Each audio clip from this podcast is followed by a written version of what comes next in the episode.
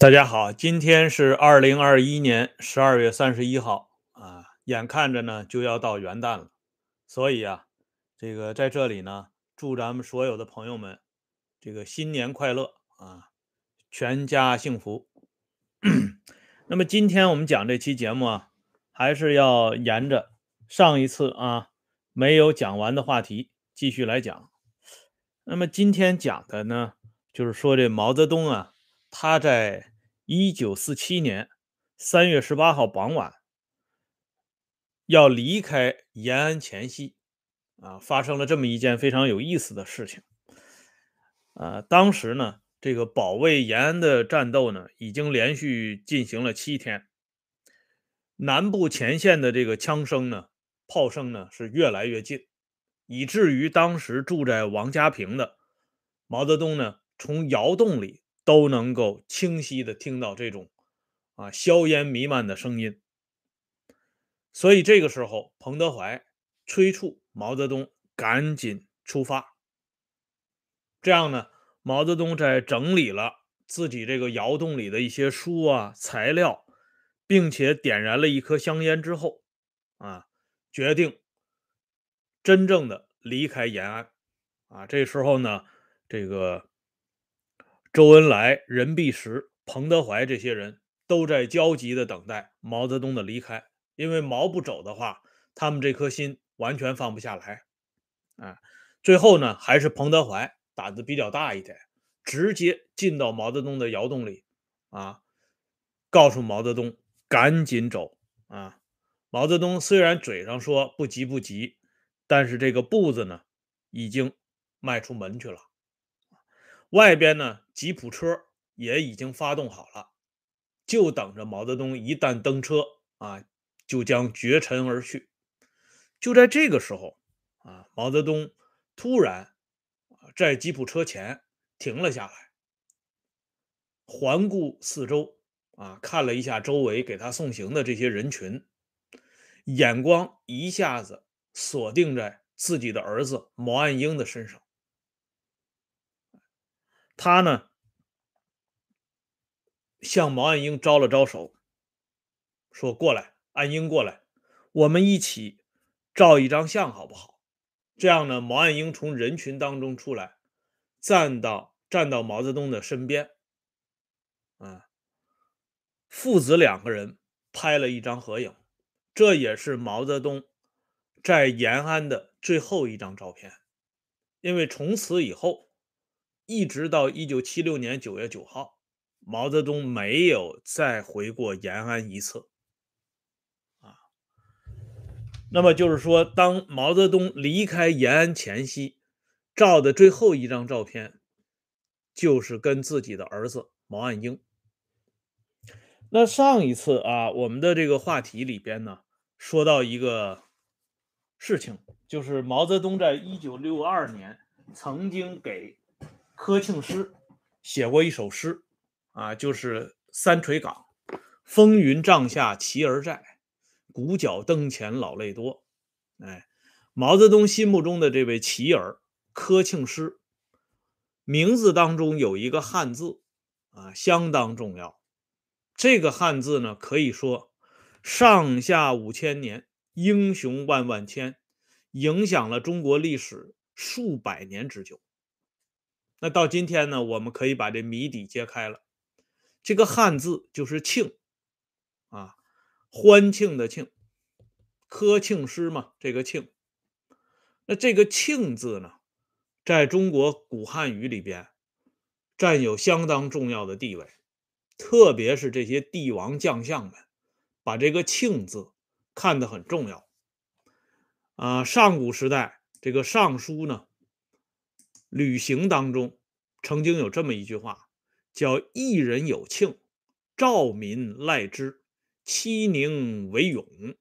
这个这段话我给大家写到这个直播间里边啊，大家看一下，“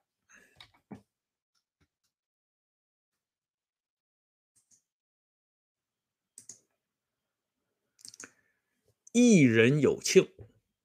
兆民赖之，欺宁为勇。那么《尚书孔传》里边呢，呃，也有这么一句话啊，他等于说是进一步解释了这这段话啊。天子有善，则兆民赖之，其乃安宁长久之道。啊，这段话我也给打上来。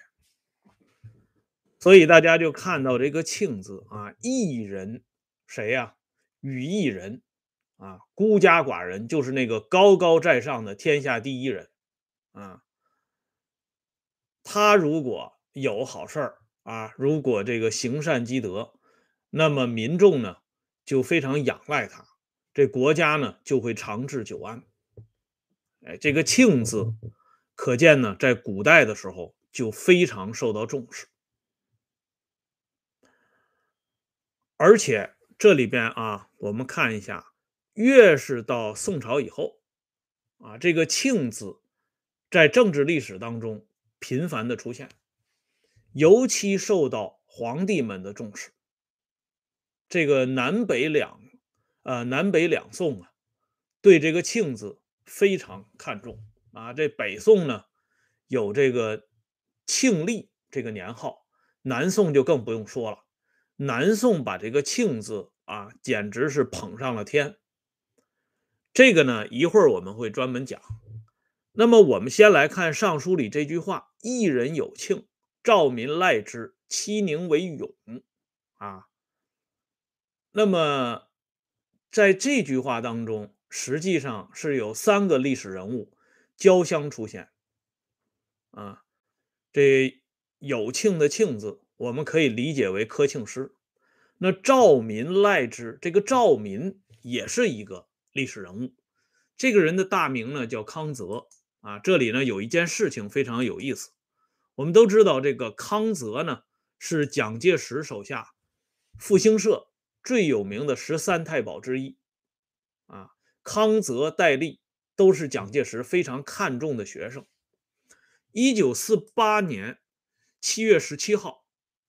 后来被授予中将军衔的中原野战军的名将王进山，指挥解放襄樊，活捉了当时的国民政府的绥靖区的司令官康泽中将。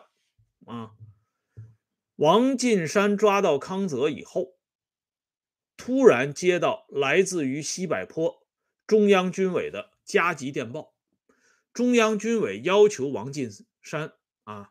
要求这个中原野战军司令部速将康泽运往华北，并派可靠武装加镣铐押送。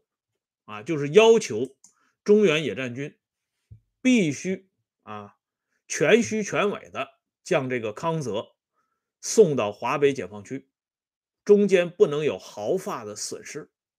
啊，这个当然是因为康泽的这个地位很重要。但有意思的是什么呢？康泽这个人的字号啊，康泽字兆民啊，就是一人有庆，兆民赖之的兆民。哎，这等于说这段这话呢，已经出现两个人物了。那么我们再看第三句“七宁为永”，这里边呢也有一个人的名字，那就是毛岸英的名字。毛岸英这个人啊，他的原名。叫毛永福啊，他的弟弟呢毛岸青又叫啊毛永寿，哎，所以这个“永”字在这里边呢也出现了，哎，当然了，这些呢应该说都是历史的巧合，或者是历史的附会。不一定啊，呃，这个真的就是按照这几个人的名字来量身定制的，那岂不是太玄虚了吗？但是呢，这个偶然性很有意思啊，不能不让人们呢浮想联翩。所以“一人有庆，兆民赖之，其宁为永”这段话，也不能不让一些啊熟读经史的人浮想联翩。啊至于具体是谁在浮想联翩，这个恐怕将来要来考证一下。那么下边呢，我们就来介绍一下这个“庆”字。为什么受到帝王将相们的高度重视？尤其这个南宋啊，大家都知道，咱们今天呢，中国有四个直辖市，其中有一个直辖市叫重庆市。那重庆这个名字是怎么来的呢？就是来自于南南宋，南宋宋光宗啊，他原来呢封的爵位是恭王，哎，就是像清朝的那个恭亲王啊，那个恭字，恭敬的恭。他的封地呢，就是在今天的这个重庆。当然了。这个南宋呢，他只是说这个封在这个地方，并不是说你真要到这个地方啊去这个生活、去工作啊，只是这个留这么一个虚名。后来宋光宗啊被宋孝宗立为皇太子，并且把皇位呢禅让给他，所以这个宋光宗呢就把他的这个封地升格为。重庆府，哎，这重重庆呢就是这么来的。而当时呢，这个南宋呢，对这个“庆”字非常重视啊。你比如说，那个时候呢，不光是有这个重庆府，它还有宠庆府啊，崇拜的宠，宠庆府，还有绍庆府，还有隆庆府。啊，多次使用这个“庆”字，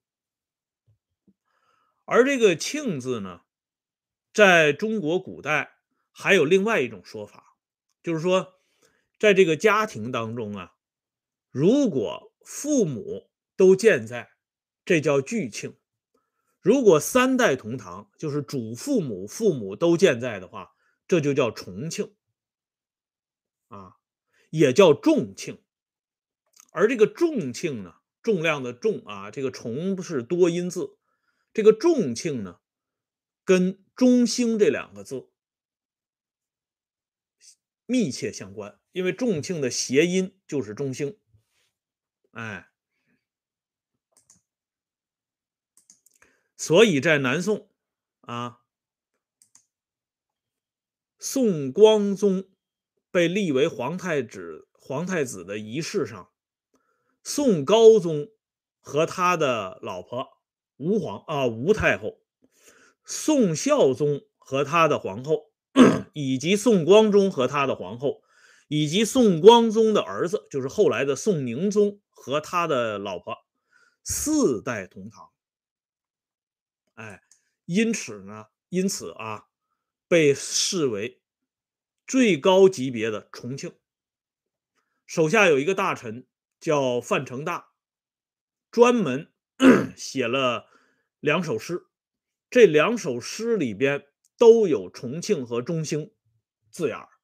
第一句，第一首诗呢，里边是有这么两句：“中兴归俊泽，重庆起元良。”第二首诗里边呢，有两句叫“君亲重庆日，家国中兴年”。可见呢，这个重庆。啊，和这个“中兴”两个字是紧密相连的啊！我把这两句话呢也给大家打上去啊。这是南宋啊，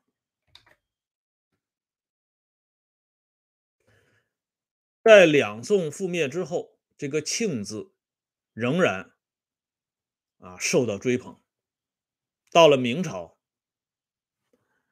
明朝第二个皇帝啊就是明成祖啊，实际上应该是明惠帝朱允文，但是呢，明成祖上台以后把这朱允文踢出去了，大家习惯上管明成祖朱棣叫明朝的第二个皇帝。这个朱棣原来封为燕王。啊，他是封在北平，就是今天的北京。他手下有一个著名的谋士，叫姚广孝，啊，法号道衍。朱棣啊，有这个人，仿佛当时的元世祖忽必烈手下的那位刘秉忠，啊，姚广孝这个人足智多谋，为后来朱棣当皇帝立下了汗马功劳。啊，朱棣呢，曾经要把姚广孝列为天下第一号功臣，但是姚广孝推推辞了。啊，人家非常谦虚。姚广孝和朱棣这个君臣当中，他们相处的过程里边，也有这个庆字。姚广孝最初到北平的时候，找工作啊，他是和尚嘛，他就要到庙里啊去主持这个呃具体的事务。可是挑哪个庙呢？啊，或者是挑哪座寺院呢？哎，这里边呢讲究就特别多了。这姚广孝挑的地方是什么呢？挑的这个寺庙叫庆寿寺，又有一个“庆”字。哎，而这个庆寿寺对后来朱棣在北平起兵靖难，以至于后来金川门之变打到南京城，当了皇帝，有最直接的关系。这对君臣呢？在一起啊，曾经有这么一个非常有意思的故事流传着。有一次，朱棣啊写了一个对联儿上联叫“天寒地冻，水无一点不成冰”。他要求姚广孝呢对下联姚广孝脱口而出：“世乱民贫，王不出头，谁做主？”这副对联绝了。啊，为什么说绝了？上联当中“水无一点不成冰”，水上边加一点是个“永”字，明成祖后来的年号叫永乐。而姚广孝对的下联“世乱民贫”，欠着“市民”两个字。我们都知道，这朱棣平生最崇拜的历史人物，不是他老爹朱元璋，而是唐太宗李世民。朱棣认为自己是李世民的后身，因为两个人经历有类似的地方，啊，都是马上取天下，啊，都是这个亲王发动政变夺取皇位。而姚广孝那个时候写的“王不出头，谁做主？”“王”字出头就是君主的“主”字，啊，所以这副对联一直传到今天。可以说是一个非常有意思的事情。那后来呢？姚广孝向朱棣推荐了一个算命的，这个人算命算的特别的准，他叫袁拱啊。这个人一看见燕王朱棣，就给朱棣算了一卦，说朱棣四十岁以后胡须。长过肚脐儿，然后就富贵不可言了。这朱棣听完以后，当时啊心花怒放，当然脸上是不能表现出来。他还警告袁拱不要胡说八道，啊啊不能乱讲。这个算命的地点呢，就在姚广孝主持的庆寿寺，啊这件事情呢很有意思。袁拱这个人算命算的厉害，他的儿子袁中彻算命算的更厉害啊！当时呢，还有一个叫金钟的人啊，也是围绕在朱棣身边的。这个金钟呢，给朱棣算了一卦啊，叫祝印成宣，贵不可言啊，吉日登庆。万万永年，也有一个庆字，这十六个字啊，这朱棣呀，后来拿到这个卦辞以后，非常高兴。朱棣对这个金钟呢，印象非常深刻。金钟去世以后啊，朱棣提拔一位重要的干部上台，还专门给这个干部呢改了名，也叫金钟。哎，说明了这个朱棣对这个金钟的印象。啊，对他的宠信的程度，那这是明朝明朝被灭灭亡之后，我们知道是这个清朝。那清朝对这个“庆”字有多重要呢？啊，有多么看重呢？这个我们就留在明天接着说了。啊，感谢朋友们上来点赞、收看啊、收听，欢迎大家加入“温相说时政”会员频道，经常有更新。今天的节目说到这里，再见。